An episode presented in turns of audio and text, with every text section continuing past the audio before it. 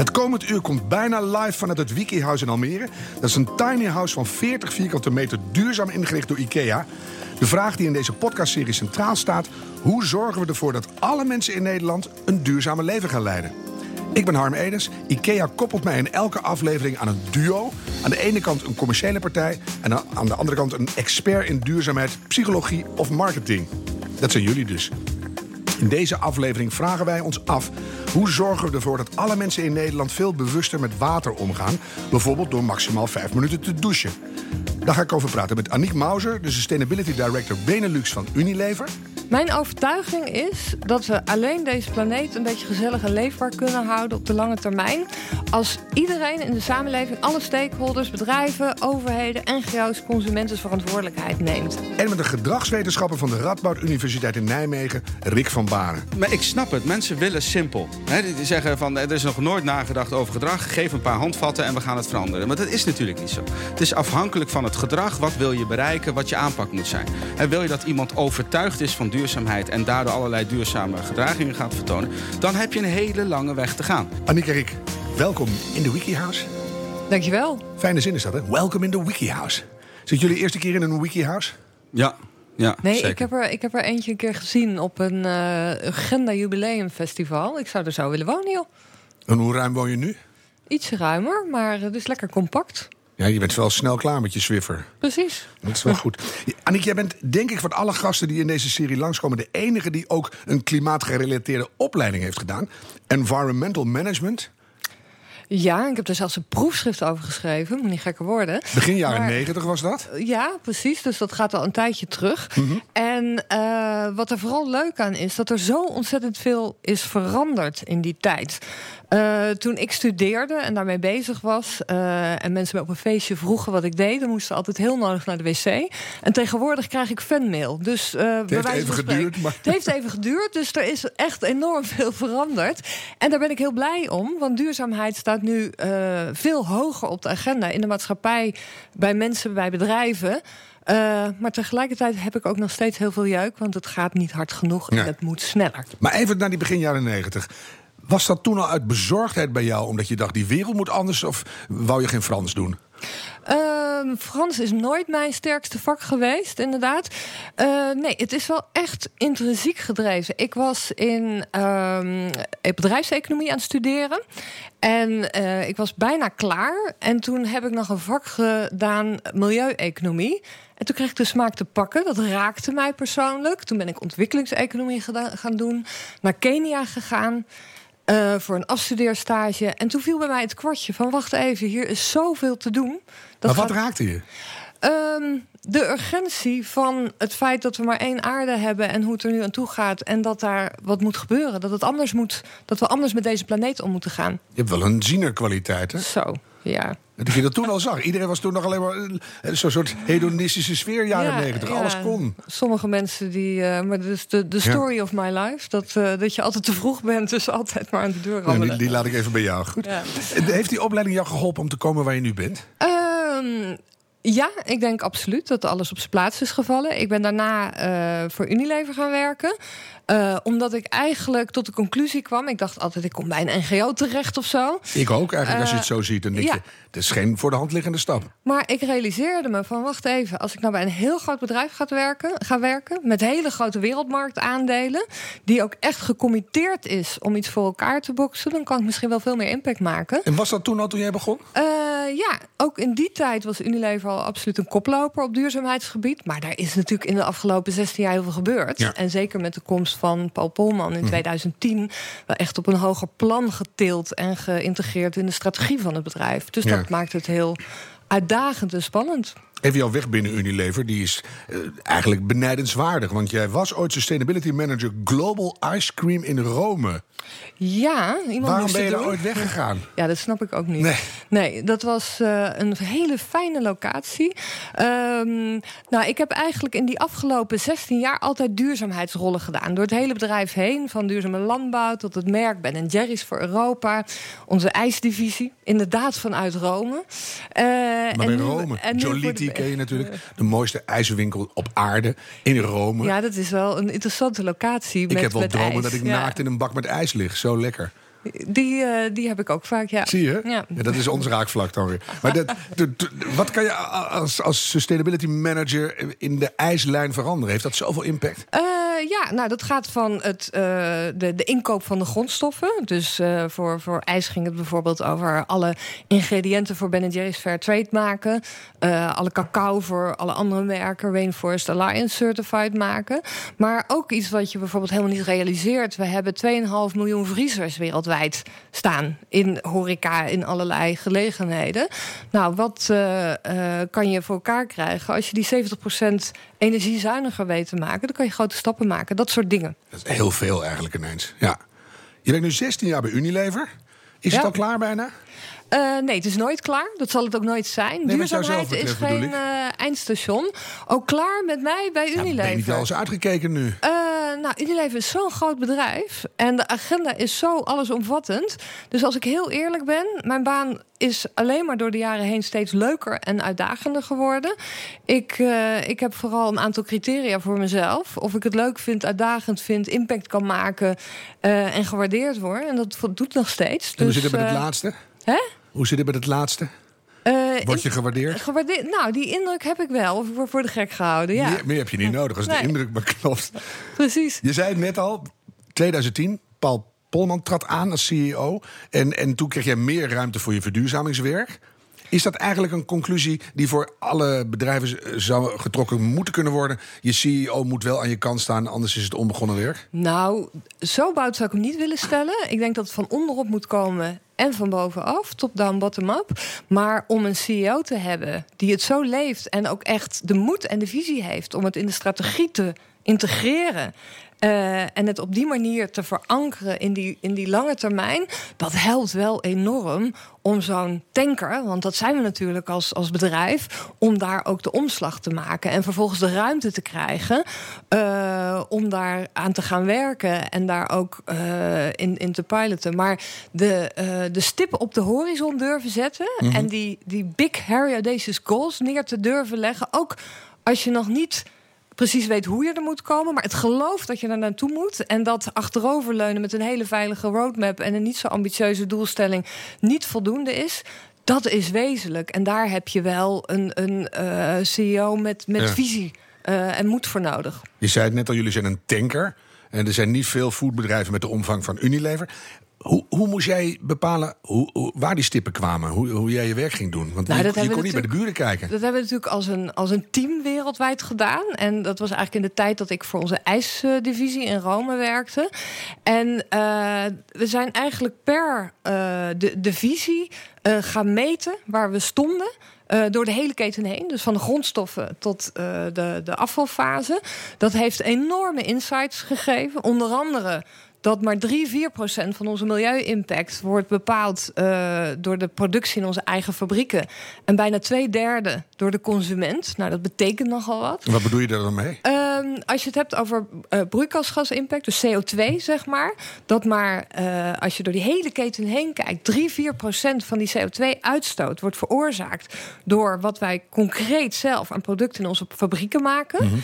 En dat het gros dus bij het gebruik van onze producten door consumenten zit. Dus het opwarmen van water om te douchen en te wassen. Heb jij je bruggetje? Kijk, Kijk.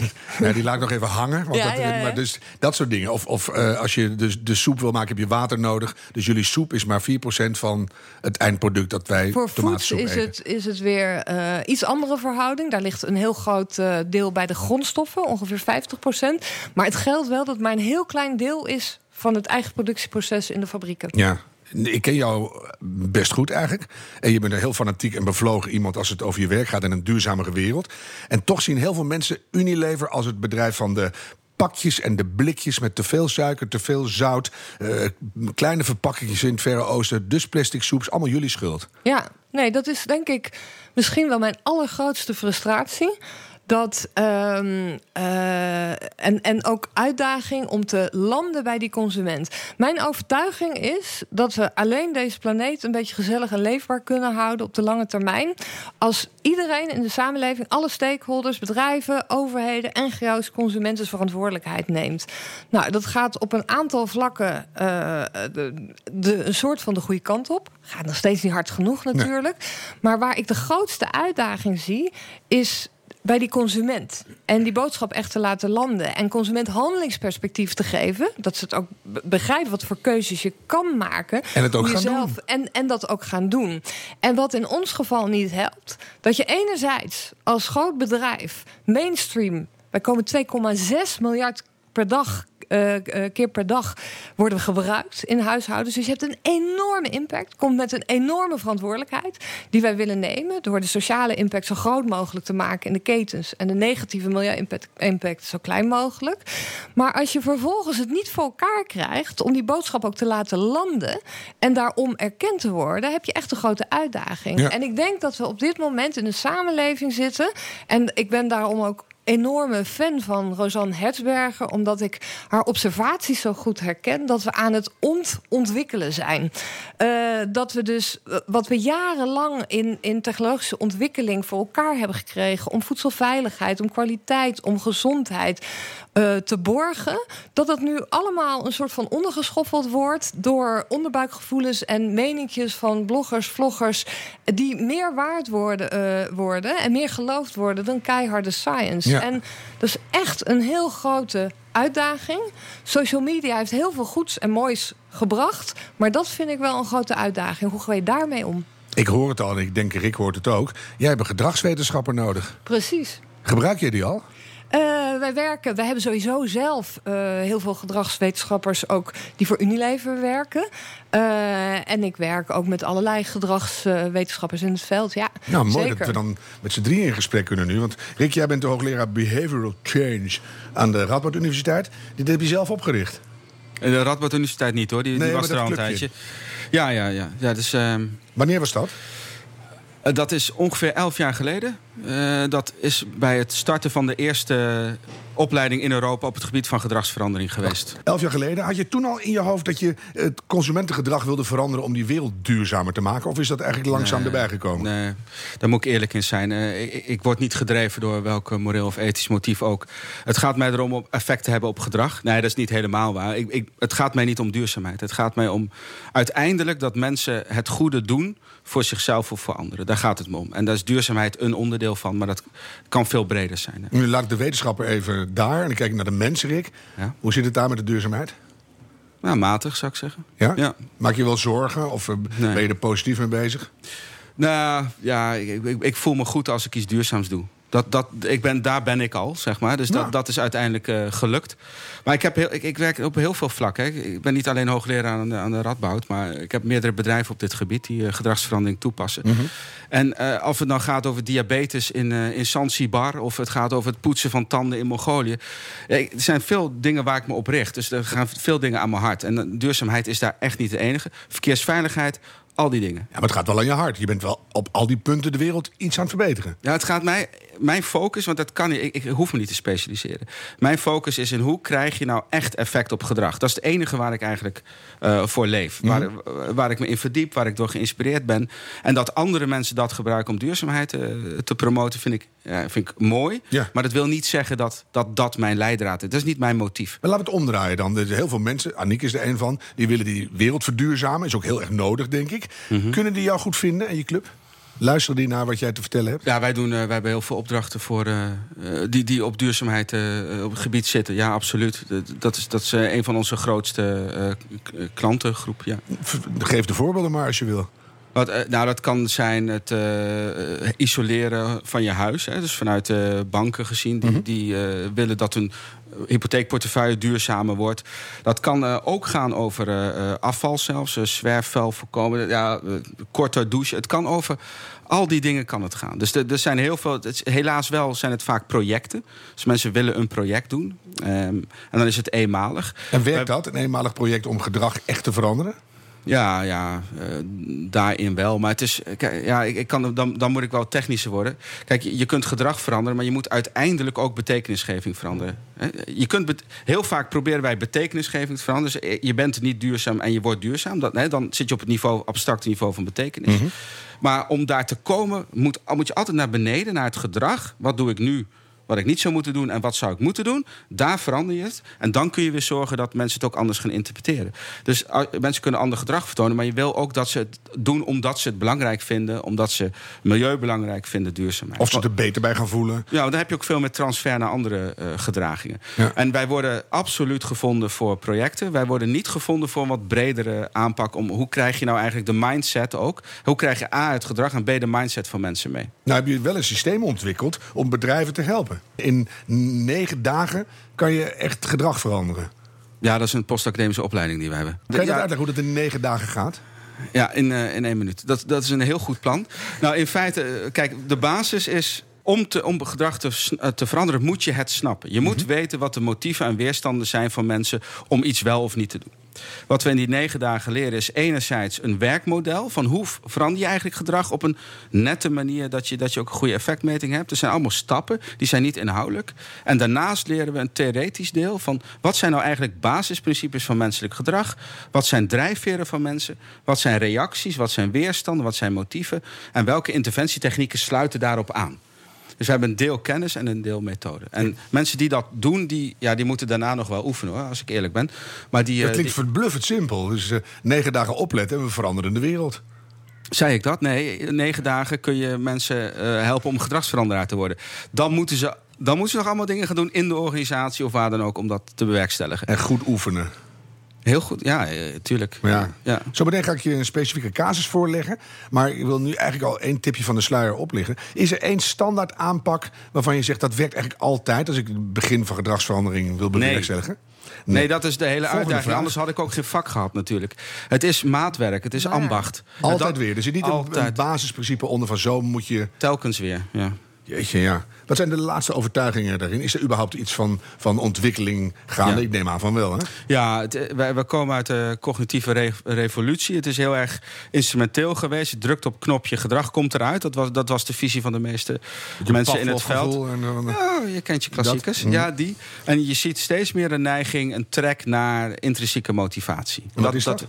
Wat intrinsieke motivatie is, dat is gedrag wat niet gedreven wordt door een externe prikkel of een beloning of wat dan ook of druk, maar een gedrag dat je wil vertonen. Want dat is het meest duurzame gedrag. Ja, en hoe kom je daar dan? Want we zitten nu al heel veel van dit soort gesprekken te doen. En het gaat altijd toch ook weer over, ja, het moet uh, geld is een prikkel of al, al dat soort dingen. Dat komt heel veel op tafel. En dan schud jij je hoofd. Nou ja, Kijk, maar ik snap het. Mensen willen simpel. He, die zeggen van er is nog nooit nagedacht over gedrag. Geef een paar handvatten en we gaan het veranderen. Maar dat is natuurlijk niet zo. Het is afhankelijk van het gedrag. Wat wil je bereiken? Wat je aanpak moet zijn. He, wil je dat iemand overtuigd is van duurzaamheid en daardoor allerlei duurzame gedragingen gaat vertonen, dan heb je een hele lange weg te gaan. Wil jij specifiek gedrag kunnen tweaken, zeg maar, dat je dat in net iets korter doucht of wat dan ook, dan kan het een stuk simpeler. Ja. Dus afhankelijk van wat je wil, welk gedrag je wil, daar maakt de methode uit. Nou, misschien om daar even op in te gaan. Want jij vroeg net, is er nou een, uh, een allesomvattende methode die Mhm. altijd werkt? Uh, wat onze ervaring is, wij hebben wereldwijd een, uh, een, een soort gedragsveranderingsmodelletje ontwikkeld. Wat absoluut geen rocket science is, maar wel zich bewezen heeft om te werken van tandenpoets- of handenwascampagnes in, uh, in Afrika en, en Indonesië, India. Tot uh, een waterspaardersprogramma hier in, in Nederland. En dat zijn eigenlijk vijf simpele stappen waarmee we uh, triggers, uh, barrières en, en, motivatoren proberen in kaart te brengen. En de eerste is van zorg dat mensen echt begrijpen waar het over gaat. En zeker als je het over duurzaamheid hebt, dat is per definitie ontzettend complex. Ja. En uh, de meeste mensen, zelfs hoe meer ze denken te weten, blijkt in de praktijk dat ze eigenlijk best heel weinig weten, klok en klepel en Ja, dergelijke. ja. Dus je moet zorgen dat mensen echt die causale verbanden begrijpen waar het over gaat. Vervolgens moet je zorgen dat je mensen het echt makkelijk maakt. Uh, dat het uh, bijvoorbeeld op ooghoogte in het schap uh, te vinden is, dat de informatie klopt. je moet het dus echt op een goede manier kunnen aanbieden. dan moet je het aantrekkelijk maken. Uh, en, en gelukkig zitten we daar ook uh, steeds meer. Dat, dat duurzaamheid ook hip en cool wordt. In plaats van in dat geitenwolle sokken uh, circuit. Waar het vroeger helaas nog wel eens ja, soms, zat. Soms beter is ook gewoon. precies. Is ook fijn. Het moet iets opbrengen voor mensen zelf. Mm -hmm. What's in it for me? En dat kan ofwel uh, emotie zijn. En dat is dat intrinsieke. Maar het kan ook gewoon uh, uh, zijn dat het handiger is. Of dat je een lagere energierekening ja, hebt. toch weer goedkoper. Een beetje En dat geld toch weer. Uiteindelijk moet het in je dagelijkse gewoonte, in je way of living. En dat heeft vooral lengte en tijd nodig. Ja. En dat vereist dus een lange adem. En dat is voor bedrijven best een lastige. Omdat marketeers zijn natuurlijk altijd een beetje op die korte termijn gericht. Een campagne en hup door. Klaar. En dit gaat echt over herhalen en lengte. Langjarig erin rammen. Luister even naar het volgende. Man. Woman. Cat. Dog. Bound chicka wow wow.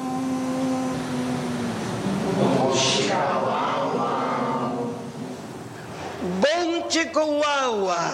Chica bon ah wow. We've improved all the fragrances. New Axe now with added. Een hele bekende wereldwijde Axe-reclame. Axe, hoe, hoe zullen we Ja, het ja, uitspreken? ja, dat is van ons, ja. Ken jij? Ik kijk geen tv, sorry. Helemaal nooit. Ook nee.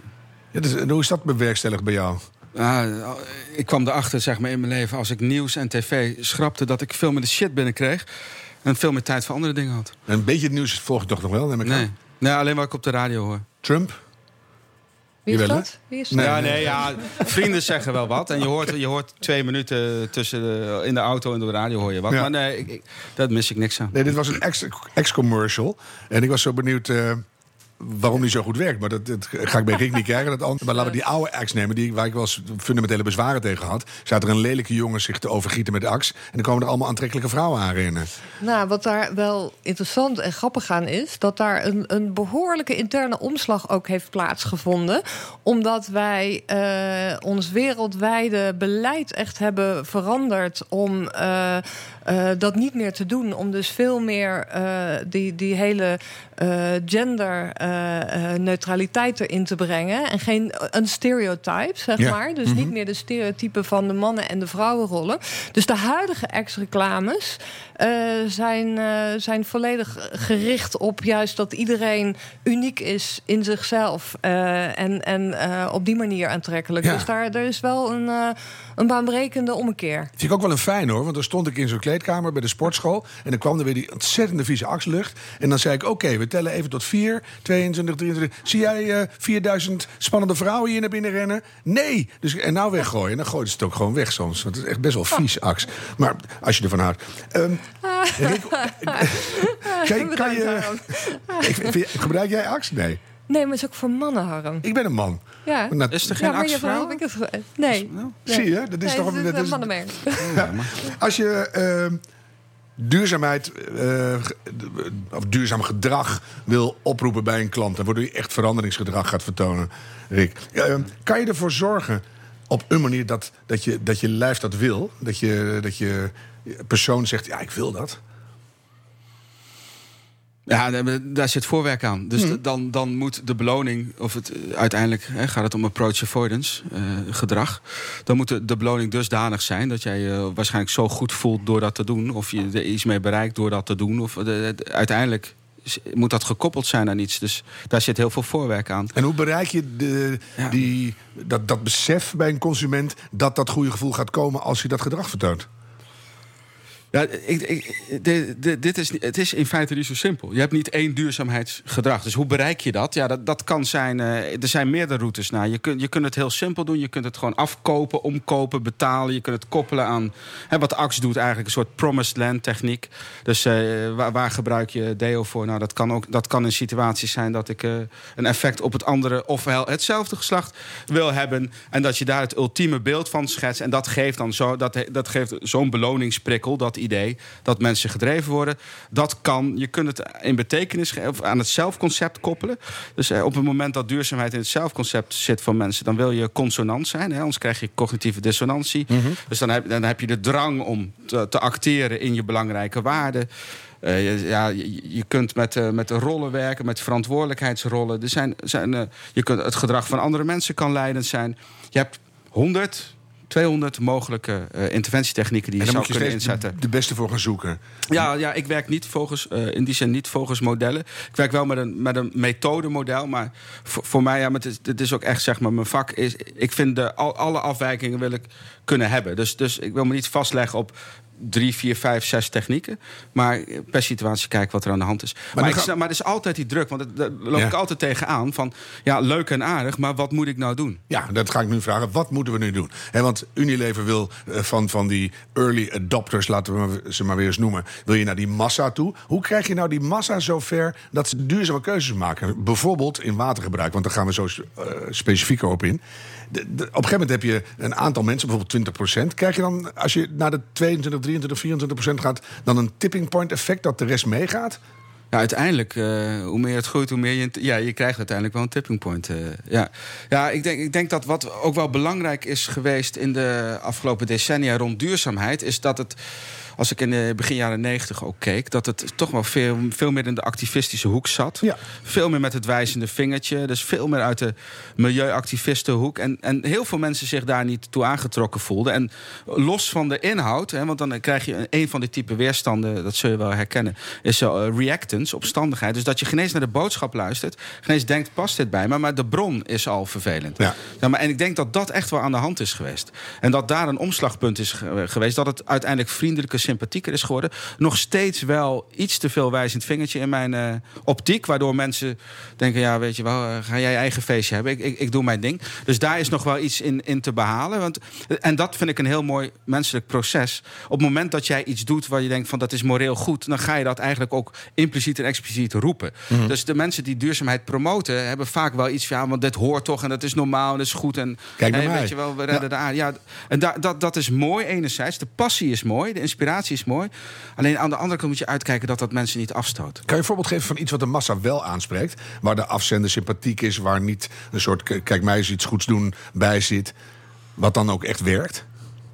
Ja, ik vond een, eh, daar, daar moet ik denken aan. Een, ik weet niet of dat antwoord op je vraag is, maar dat maakt ook eigenlijk helemaal niet uit natuurlijk. Eh, dat nu- is een campagne. extra benieuwd nu. Dat is een een campagne in, eh, in Texas. Dat is een, een van de best werkende campagnes ooit. Om ehm, te zorgen dat mensen geen afval uit het raam gooien. Dan zou je zeggen, wie doet dat nou? Nou, rij in Amerika, afval uit het raam. Hier ook. Ja. Hoe vaak ik niet achter scholieren aanrijd van... ging daar iets over een heg? Ja, nou, Dus, dat soort ja, dingen. Dat Nou, doe ik dan toch. Heel irritant, maar ik doe het wel. Dat soort dingen. En dan wordt van alles geprobeerd. Hè. Je kan 2000 euro boete of dollar boete.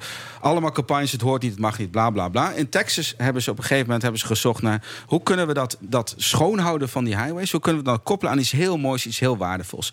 Daar dachten ze, wat is nou het sterkste in Texas? Texaanse trots. En in Texas heb je een, een uitspraak: don't mess with Texas. Hey, als je ruzie met ons krijgt, we maken je af. Ze hebben die don't mess with Texas hebben ze gekoppeld aan het schoonhouden van de highways. Ja. Dat doen ze al volgens mij sinds begin jaren tachtig. Met, met bekende Texanen, Willie Nelson, wie dan ook. Hele tijd campagnes erop: don't mess with Texas. Hey, keep our highways clean. En dat heeft eh, ja, uit mijn hoofd, ik ben geen Wikipedia, ongeveer 70, 80 procent reductie in eh zwerfvuil daar langs die wegen geleid. Ook ten opzichte van andere staten, ten opzichte van voor en na. En dat, dan denk ik, dat is zo'n mooi voorbeeld dat je via iemands trots, via iemands identiteit het gedrag kan koppelen. Ja, dus, ook, en met iets moois bestaan. Als dat een zin antwoord was op je vraag. Ja, op een manier wel. Maar toch ook langjarig inzetten en ook weer local heroes gebruiken om de, om de message through te ja, krijgen. je- dus, dus, eh, uiteindelijk zoveel campagnes hebben alles wel geprobeerd volgens Ja. mij. En het, het werkt allemaal, omdat het lekker landt. In deze podcast gaan we het hebben over, over jullie en ik, Unilever. Die willen de impact van het gebruik van hun producten verlagen wereldwijd. Dat, zijn jullie eh, heel breed mee bezig. En daarmee ook het consumentengedrag verbeteren. En dan willen we het eigenlijk specifiek even hebben over watergebruik. En Nederland gebruikt bijna, weet je hoeveel liter water per jaar? Eh, nee, ik weet wel hoeveel eh, liter warm water wij per douchebeurt gebruiken. Oh ja, dat is ook heel veel. 21? Nee, wij douchen eh, gemiddeld eh 9 minuten. Ja. En dan gebruiken we 8 liter per keer. Dus twee Oh, dat is veel minder dan ik dacht, maar het is wel veel, ja. Nee, maar we gebruiken 50.000 liter water per jaar. En de top drie is douchen, naar de wc gaan en de wasmachine Waarom wijs aanzetten. je dan naar mij trouwens? Nou ja, ik deed zo een en om, om en om. Ga jij veel naar de wc en, valt het mee? En wat, wat vooral belangrijk is, hè, want de impact van eh, watergebruik in Nederland gaat vooral om warm watergebruik en de energie die nodig is om, om het op te warmen. Dus met name douchen en de Want wasmachine. water valt best veel uit de lucht. In waterschaarse gebieden is het natuurlijk een ander verhaal. Dus het, het eh, warm watergebruik met douchen en wassen, dat is ook als wij naar onze keten kijken, wereldwijd, is dat eh twee derde van, eh, van die impact van onze producten. En dat zit vooral in dat opwarmen van water. Ja, het is ontzettend veel. Ik ga jou zo meteen vragen, Rick, wa- wat jij vindt dat Unilever het beste zou kunnen doen om daarmee bezig te zijn. Maar ik wil eerst van jou even weten, eh, eh, twee derde van die footprint zit in consumentengebruik, dat zei je al. Kijken jullie in die berekeningen naar de hele productieketen? Ja, Naar alles wat er eh, gebeurt? ja, van de grondstoffen, de, de productie in, in onze eh, fabrieken, eh, het vervoer naar de retailer, de, de aankoop naar Hele huisvervoer. plaatje. Hele plaatje. En in die 16 jaar dat jij nu mee zit te kijken en ook mee zit te sturen, hoe, hoeveel is er veranderd? Met name verminderd? Ehm, wij zijn het actief gaan meten vanaf eh 2009. Hebben we een soort van nulmeting wereldwijd gedaan. En eh, dat zijn we nu aan het, eh, aan het tracken door de jaren heen. Eh, wat een hele. eh, de grootste uitdaging is inderdaad die, die, die CO2 impact, omdat daar zoveel buiten onze eigen scope zit. Dus wij hebben gezegd, wij willen ehm, de, de CO2-footprint eh, en ook op afval en water willen wij halveren.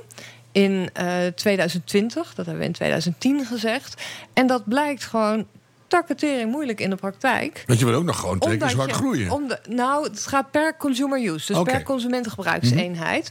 Eh, en dat is zo lastig omdat het buiten je eigen scope zit. Maar ook omdat 60% van onze business in de developing en emerging markets zit. Ja. Waar je ook mensen hebt die vroeger met een pannetje met koud water één keer per week zich afspoelden. En die gun je ook een warme douche. Ja. Dus daar is een enorme uitdaging. En daar heb je ook echt de maatschappij brede energietransitie nodig om dat voor elkaar te krijgen. Maar wat we hier lokaal doen in, in Nederland, eh, inspelend op die grote uitdaging die we zien, hebben we een, eh, een, een programma gestart samen met het Wereld Natuurfonds en de Missing Chapter Foundation. Inmiddels eh 14 partners, waaronder de KNVB. Waarin we, ehm, dat, dat programma heet Waterspaarders. Ja. En waarin we kinderen inzetten als belangrijke change agents in gezinnen om die dialoog te starten. En daar gebruiken we korte douchen als heel concreet haakje om die dialoog te starten. Dus we de les. kinderen zijn dan echt het geweten van de familie. Hè? Precies. En Terwijl, terwijl ik stiekem dacht, dat zijn altijd die rottige puberdochters die eindeloos de- onder de- die douche staan. Ja, die, die pubers, dat zijn de notoire langdouchers. Maar je moet dus daarvoor al moet je Jongere ze kinderen. weten te, te, te, te inspireren. Dus we hebben een lesprogramma ontwikkeld voor lagere scholen, voor groep 5, 6 en 7, 8. Vijf weken. Eh, waarin zij helemaal worden meegenomen, al die informatie krijgen. Ze gaan zelf ook etiketten met een oproep aan hun ouders maken we voor op een doucheproduct. Om, eh, eh, om, om korter te douchen. En die komt te staan concreet op plaats delict in de douche. Dus dat grootste privémoment eigenlijk waar je normaal niet tussen komt, krijg je dagelijks die oproep, die Vanaf herkenning van je eigen, van je eigen zoon of, of dochter van het kan wel wat korter. En dat is onwijs leuk om te zien dat dat ook echt werkt. En ik durf het niet te claimen, maar ik vind het wel een mooie indicatie dat de laatste meting van VWIN, die jaarlijks watermeting eh, doet, of tweejaarlijks, dat het eh 0,6 liter per douchebeurt omlaag is gegaan.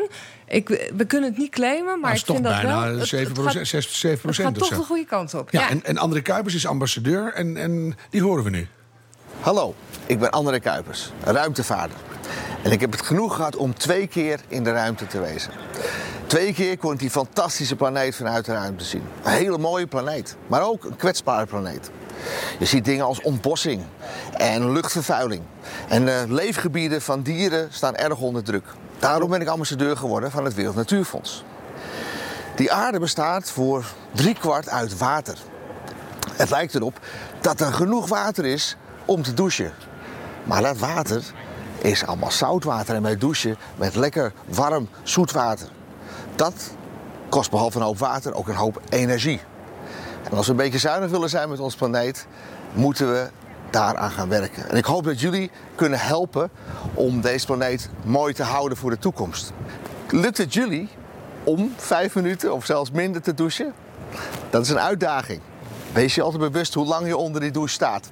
Ja, je zou denken, eh, eh, heeft dat nou effectje zijn? Dat de, de, de kans is zeer groot dat dat significante verschillen gaat opleveren. Ik stond ooit aan de Waal. Eh, aan het Waalstrand, aan de Waal, met een schoolklas te praten over hoe kunnen we die wereld nou mooier maken en wat zou je persoonlijke bijdrage kunnen zijn. Toen zei één meisje: Ik kan best een kwartier korter douchen.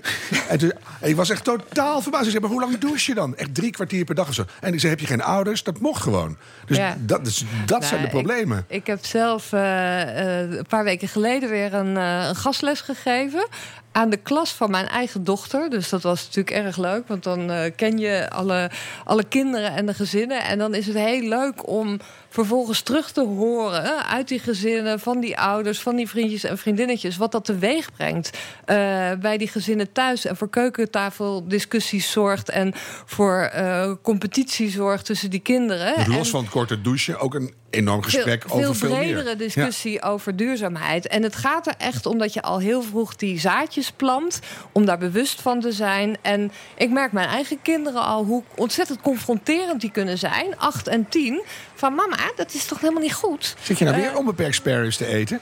Dat. ja, dat doe ik Ja. sowieso niet. Nee, nee, maar eh, zo, zo zijn ze wel. En ik denk dat iedereen dat herkent die, eh, die zelf kleine kinderen heeft. Ja. Dus dat is echt de kracht van kinderen in die leeftijdsgroep van 8 tot 12. Voor hun eh, zijn dingen nog zo ontzettend logisch.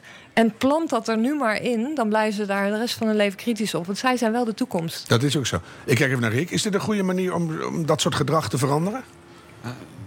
Het werkt, zeg je toch? Dus Ja. ja, ja natuurlijk, ja, als je de kinderen kan indoctrineren, daar ben ik ook erg voor. Dat, dat, tuurlijk, daar moet, dit, die moet je het belang het van. niet. Veranderen. Nee, maar dat, ja, nee, maar dat is in feite. Dat, Informeren en Nee, maar dat- inspireren doen ik, bedoel dat. niet in een negatieve manier. Dat, dat, dat is in- volgens mij in feite wat er dan zeg maar, technisch gebeurt. Dat is natuurlijk een ideale, ideale route. Je moet wel even wachten. En, en je, je zult het ook op de cruciale momenten in het leven... dat, dat andere belangrijke motieven gaan spelen eh, eh, sterk houden. Maar ja, als je dat kan doen, als je die luxe hebt... fantastisch natuurlijk. Ja, het is Absoluut. wel inderdaad kinderen heel snel bewust maken en ook in hun gedrag beïnvloeden. In de jaren negentig hadden we chipzakken met flippo's erin. En eh, toen zeiden ze allemaal, we moeten die, we moeten die. Is dat, is dat de beste manier om, om het via kinderen te doen, die veranderingen?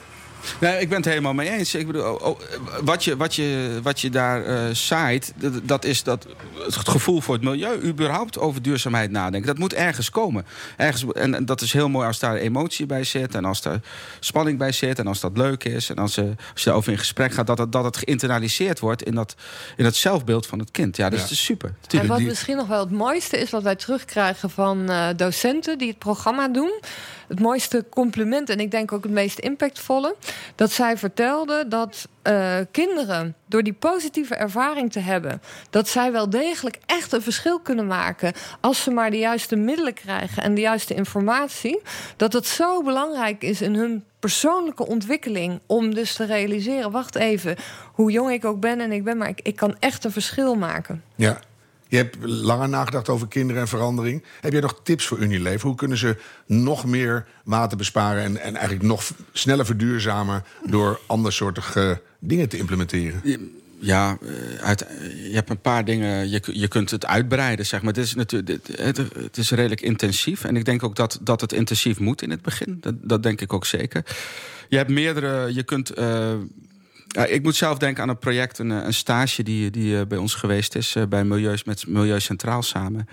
Om te zorgen dat mensen maximaal vijf minuten gingen douchen. Ja. En dat was een experiment. experiment. En Enerzijds werd er gekeken met financiële motivatie. hè. Je bespaart zoveel euro, maar dat stelt natuurlijk echt geen, geen hol voor. hè. Maar dan Oh, je kan werd er- 200 euro per jaar besparen. Ja, hè? Als je van vier 9 cent naar per 5 douchebeurt of minuten. zo. Een groot gezin Ja. hebt misschien. Vier, Ja, nou, maar nee, vier man, ja. 9 naar 5 minuten, 200 euro per jaar. Nee, precies. Maar in ieder geval Ja, dat dat is wel het geld. Ja. Rekenen dat dan in dat lesprogramma door in pretparkkaartjes. Want dan gaat het leven Of bij die ijsjes. kinderen. Ja. Ja. Ben Jerry ijsjes. Moet wel Ah, een beetje dat- commercieel dat- blijven dat- denken, dat, Annick. dat, dat, ligt weer wat gevoeliger. Ja, nou, je, je hebt in de literatuur op duurzaamheid heb je eigenlijk twee stromingen. Hè. Of je moet voordeel aan zitten of het moet uit milieuwaarde. Dat is altijd wel een strijd wat dat wordt. Dus hier zijn twee, eh, twee tegen elkaar getest. Dus bij, bij 100 mensen is, ehm, is la- langs gegaan van willen jullie meedoen aan een, een onderzoek rond de douchen. Eerst normaal douchen, een week lang gewoon normaal. Wat, wat is de normale tijd? En vervolgens eh, opgedeeld in een groep die eh, financieel gemotiveerd werd... en een groep die milieu gemotiveerd werd. Maar dan wel in een bepaalde soort funnel, in een soort trechter. Dus dat je... ehm, eh, voorbeelden van anderen hebt. Dat je jezelf overtuigt, wat ook een belangrijk eh, element is. Dus waarom zou ik korte douchen?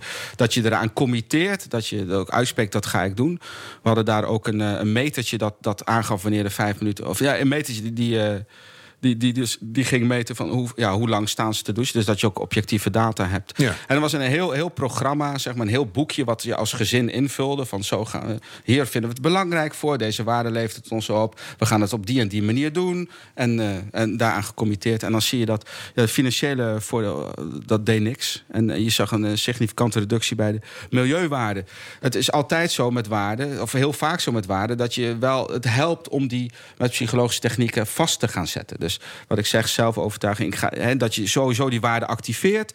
Hoe ga ik die toepassen en dat je eraan committeert. Dus daar zit een soort... Je, je kunt het verscherpen, als Ja. het ware. Iets van herkenning bij Aniek? Ehm, nou, wij hebben zelf, eh, dat is wel leuk dat je dit vertelt. Wij hebben zelf geprobeerd te koppelen aan het lesprogramma ook eh, loggers bij gezinnen thuis in, douche, in de douche te kunnen plaatsen. voor en na het programma. Dat was onze ervaring toen dat dat een, eh, een stap te ver ging. Dus ik ben heel geïnteresseerd om de uitkomsten van jullie onderzoek te, te, te zien. Ja, en dat ook dat mee, mee te kunnen nemen. Hoe we weer een stap verder kunnen gaan En daarin. Klein dwangmiddel, na vijf minuten gewoon een heel kort elektrisch schokje door de douche staan. Oh, die, die had ik nog niet gehoord. Even ik heb wel de reminder. campings waar na drie minuten de douche gewoon ophoudt. En dan moet je vijf minuten staan kleumen. Dus dan hou je vanzelf wel op. Met of zonder shampoo in het haar. Maar eh, die, die ken ik nog niet, nee. Ik zag wel een laatste foto. Iemand liet dat zien. Dat na zoveel tijd douchen kwamen er allemaal punten uit. Allemaal. Dus, ja, nee, echt serieus. Ja, dat was een vrij, vrij drastische oplossing. Ja. Maar dan word je er feitelijk uitgeduwd. SM Club Rita. Ja, dat is ja, een- Ik heb daar een keer iets van een YouTube-filmpje van gezien. Ja, dat Maar- zal het zijn geweest. Maar, maar het, was, eh, het waren ongevaarlijke punten, toch? Ja, een beetje ja, opblaasdingen. Ja. Mag ik hopen, ja. Nou, is dit allemaal de consumentengedrag veranderen? Ja. Je kan ook zeggen, de producent moet veranderen. Jullie Ja. kunnen andere producten op de markt Ja, brengen. Dat doe je doen al met wasmiddelen geconcentreerd... zodat je minder hoeft te vervoeren. Wat, Wasmiddelen die op lage temperatuur schoon was. eh, En zetten eh, mensen de wasmachine dan ook echt lager? Of denken ze dan Eh, toch stiekem... Nou, ook daar hebben niet? wij van onze gedragsveranderingsspecialisten ook dat we experimenten doen met hoe kan je eh, via de design bijvoorbeeld van de dop op de fles gaan nutchen, dat soort dingen. Dus daar zijn we ook constant mee bezig. En hoe kan ga dat dan? Via de dop? elkaar, eh, nou, de dop in de vorm van een, eh, een knop die je omdraait, waar je dus die, die op 30 graden probeert in, in mee te nemen. Dus dat is ook hoe, hoe we daar mee, mee bezig zijn. Ja. Ehm, maar dat is een, eh, een, een constante uitdaging. Maar producten, eh, bijvoorbeeld eh leave-on conditioners. Dus de conditioners die je in je haar doet nadat je de douche hebt verlaten, niet hoeft uit te spoelen. Nou, dat scheelt warm water. Ja. Droog shampoos waarmee je een dagje haarwassen kan uitstellen. Je kijkt er meteen Ja, een dat beetje is vies zo'n mee. vies product uit de jaren zeventig. En dan zullen ze van die heb kansarme vrouwen zonder de nee, droog dan heb, shampoo. je, dan heb jij nooit Ja. de, de, de, Nee. de, tegenwoordige moderne producten geprobeerd. Nee. Want dat heeft niks met, eh, met, met Dat is gewoon kansarm dat is te mijn jeugd. Dat zaadje is in Ja, mijn jeugd ja, geplant. ja, shampoo. dat Dus tijd voor andere zaadjes. Ja, eh. maar dus maar er is maar, zo, er is maar zoveel. Hè, je kan met productinnovatie kan je van alles doen. eh, de andere formats en dergelijke. Maar dat uiteindelijk is, is nog niet voldoende. Je hebt ook echt die stap van gedragsverandering thuis nodig. Mhm. En, en dat is echt een enorme uitdaging. En merk je dan dat als die nieuwe producten er zijn... dat mensen die op een gegeven moment dan ook gaan kopen? Of hoort daar die gedragsverandering bij? Nou, de- dat dat landt en dat ze dat ook eh, zien. Misschien een voorbeeld, heel concreet. We hebben eh, eh, compressed deo's op de markt gebracht. Hè? De, de half zo grote ehm, eh, deo-spuitbussen. Ja. Die evenveel deo-beurten, zeg maar, bevat. Om die impact te verlagen. Nou, dan is het heel belangrijk dat je ook daar heel goed over gaat communiceren. Omdat je daar natuurlijk een value for money perceptie hebt die tegen je werkt. Ja. Eh, en daar komen die, die, dat modelletje van die five levers for change weer eh, eh, voorbij. Je moet ook zorgen dat die consument een toegevoegde waarde, een benefit zelf ervaart. En daar heel hard op gaan communiceren. En hoe het doet hij dat dan in dit geval? In dit geval, het kan in de handtas mee. Ja, dingen. echt waar. Je tilt minder. Dus nou ja, dat, dat soort dingen. Maar je moet dus constant kijken. wat wordt uitgelachen voor... door Rick. Nee, ja, ja, Het kan in de handtas. Ik- Gewoon Hij, de hij, hij lacht associatie. om jou, hè? De associatie die je hebt, een extra handtas voor de deo. Sorry. Ja, dat, vond, ik, ja, dat vond ik gewoon leuk. Die krijg je gewoon. ik niks aan Ja. Zo'n hele grote bus. En dan die droogshampoo er nog in. Nou, dan, eh, ja. nou, nou vind jij dat belangrijk. En we, eh, we- we willen allemaal een betere wereld. Hoe krijg je dat binnen de tanker van Unilever nou op alle lagen doorgevoerd? Dat iedereen zegt van, goed idee en dat gaan we doen. Doordat het, eh, eh, dit, dit, dit hangt gelukkig niet van mij af. Dit is gewoon onderdeel van onze strategie van duurzame groei. Dus dit is echt verankerd in onze doelstelling, in onze processen en systemen... waarop we jaarlijks verantwoording afleggen, eh, meten waar we staan, bijstellen, stakeholders bij betrekken. Dus dat is echt verankerd. Waar vanuit mijn werkveld in, in de Benelux-organisatie zit vooral de grootste uitdaging. Hoe vertalen we het naar de consument? Hoe laten we landen wat we doen dat dat een duurzamere keuze is? En hoe gaan we dat gedrag van consumenten zelf aanpakken? Want daar, daar zie ik de grootste uitdaging. Wat, wat je binnen RD en sourcing kan doen, is hartstikke lastig en moeilijk. Maar daar gaan we echt de goede kant op. En dat, dat, dat, loopt. Maar het is die laatste stap. En daar hou ik me mee bezig. En tegen zijn streep na 16 jaar nu even. Hoeveel is het verbeterd? Ehm, 16 jaar, dan zitten we in. eh, nou, dan, dan, dan moeten we wel Nee, bijna. nee, terug. Van, jij werkte 16 jaar. Oh, van- Dus je van hebt je enorm uitgesloofd. En nu? Ehm, nou, daar is heel veel veranderd. Het is sowieso in de maatschappij en binnen Unilever. eh, eh, echt geïntegreerd, staat bovenaan de agenda. Het zit verankerd in onze Maar werkt strategie. het? Vroeger moest ik echt aan de deur rammelen, zeg maar, te leuren en sleuren om dingen op de agenda te krijgen. En, en nu ben ik, eh, sta ik zeg maar midden in het bedrijf, leg ik de, eh, de, de, de bruggen, de opportunities, de risico's, adviseer ik, hou ik spiegels voor, sla ik mensen even om de oren, zeg maar, als het Maar, niet. Mm. maar die geloof ik wel. Ja. Maar van die 2,6 miljard gebruiksmomenten op een dag, Ja. hoe- hoeveel zijn er dan van duurzaam te noemen? Ehm, nou, steeds meer. Ik weet niet of we het op die manier eh, meten. Maar waar het over gaat, dat het in al onze producten en al die gebruiksmomenten wordt verankerd. Dat het gaat over het product waar eh, duurzaam gedeelde grondstoffen in gebruikt worden. Met verpakkingsformats die continu verbeteren. eh, met minder materiaal, recyclebare, herbruikbare Anti-plastic soepverpakkingjes. et, et cetera. Ja. Dat je daar constant de lat hoger blijft leggen, de commitments neerlegt om er naartoe te werken. Dat het land bij die consumenten, dat ze zelf hun gedrag gaan aanpassen. En daar hebben we. Eh, een, een 60 concrete commitments, wat ook op onze website terug te, leven, te lezen is, wat we gewoon jaarlijks trekken en, en volgen en, en bijhouden. Maar het stijgt. Absoluut, het het gaat, gaat de goede, het- ja, het gaat de goede kant op, maar er zijn ook hele grote uitdagingen. En vooral op CO2. En dat is een maatschappijbrede enorme Ja. uitdaging. Maar nog heel even de politiek aanstippen. Wat, wat heb je van Den Haag nodig? Waar lobbyen jullie voor? Consistent lange termijn beleid, waar je als bedrijven eh, ook echt op kan eh, bouwen en op kan anticiperen. Een bodem erin leggen, dus bepaalde onzin gewoon eh, verbieden. Ehm, dat soort zaken. Dus echt langjarigheid van beleid. Je Ja. hoort, hem, je hoort hem vaker, maar hij is heel erg nodig. hè? Rick, wat zie jij als rol voor de overheid? Ik denk een leidende rol in het, eh, ro- rond het hele imago-betekeniswerk. Ik denk het in het, in het promoten van het duurzaamheidsdenken. Als En onze premier dat nou ook eens uit ging stralen, dan zou dat worden. eh, ja, en het zijn natuurlijk wel ministeries, mee bezig. Maar ik denk dat je dat wat integraler kan doen. Dat je integraler m- met bedrijven kan nadenken.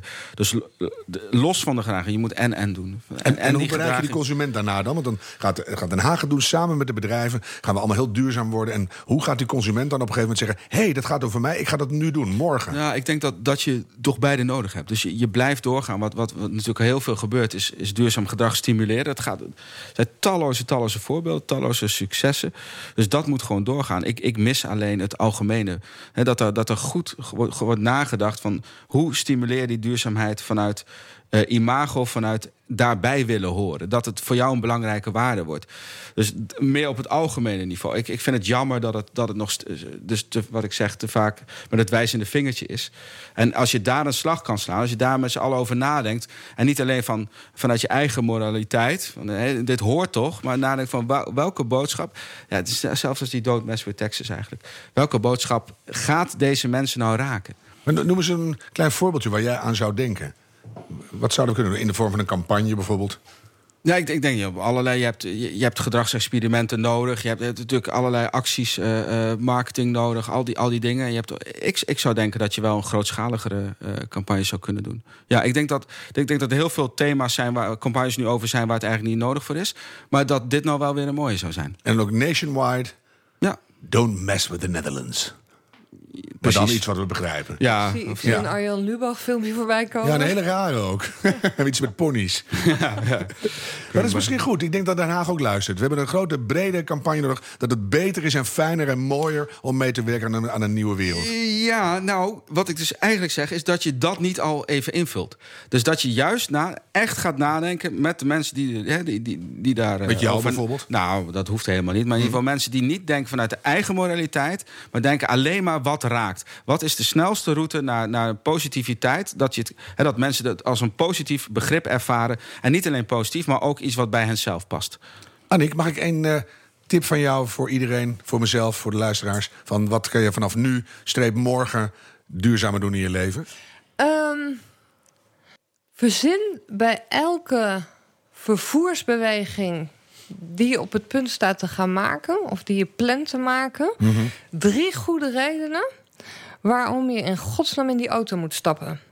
En als je er niet drie kan verzinnen, doe het dan niet. Neem dan de fiets, de OV, reis niet, doe een videocall of wat dan ook.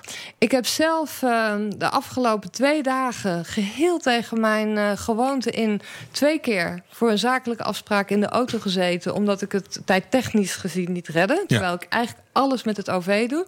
Wat ook eh, tot gevolg heeft dat ik me daar heel erg eh, eigenlijk niet lekker bij voelde. Van gadverdamme, zit ik in een vieze auto. Maar vervolgens kijk ik einde dag, wat heb ik bewogen? Daar heb je zo'n leuke app voor. En dan kom ik niet boven de kilometer. Terwijl ik normaal alles met het OV doe en 7 kilometer loop.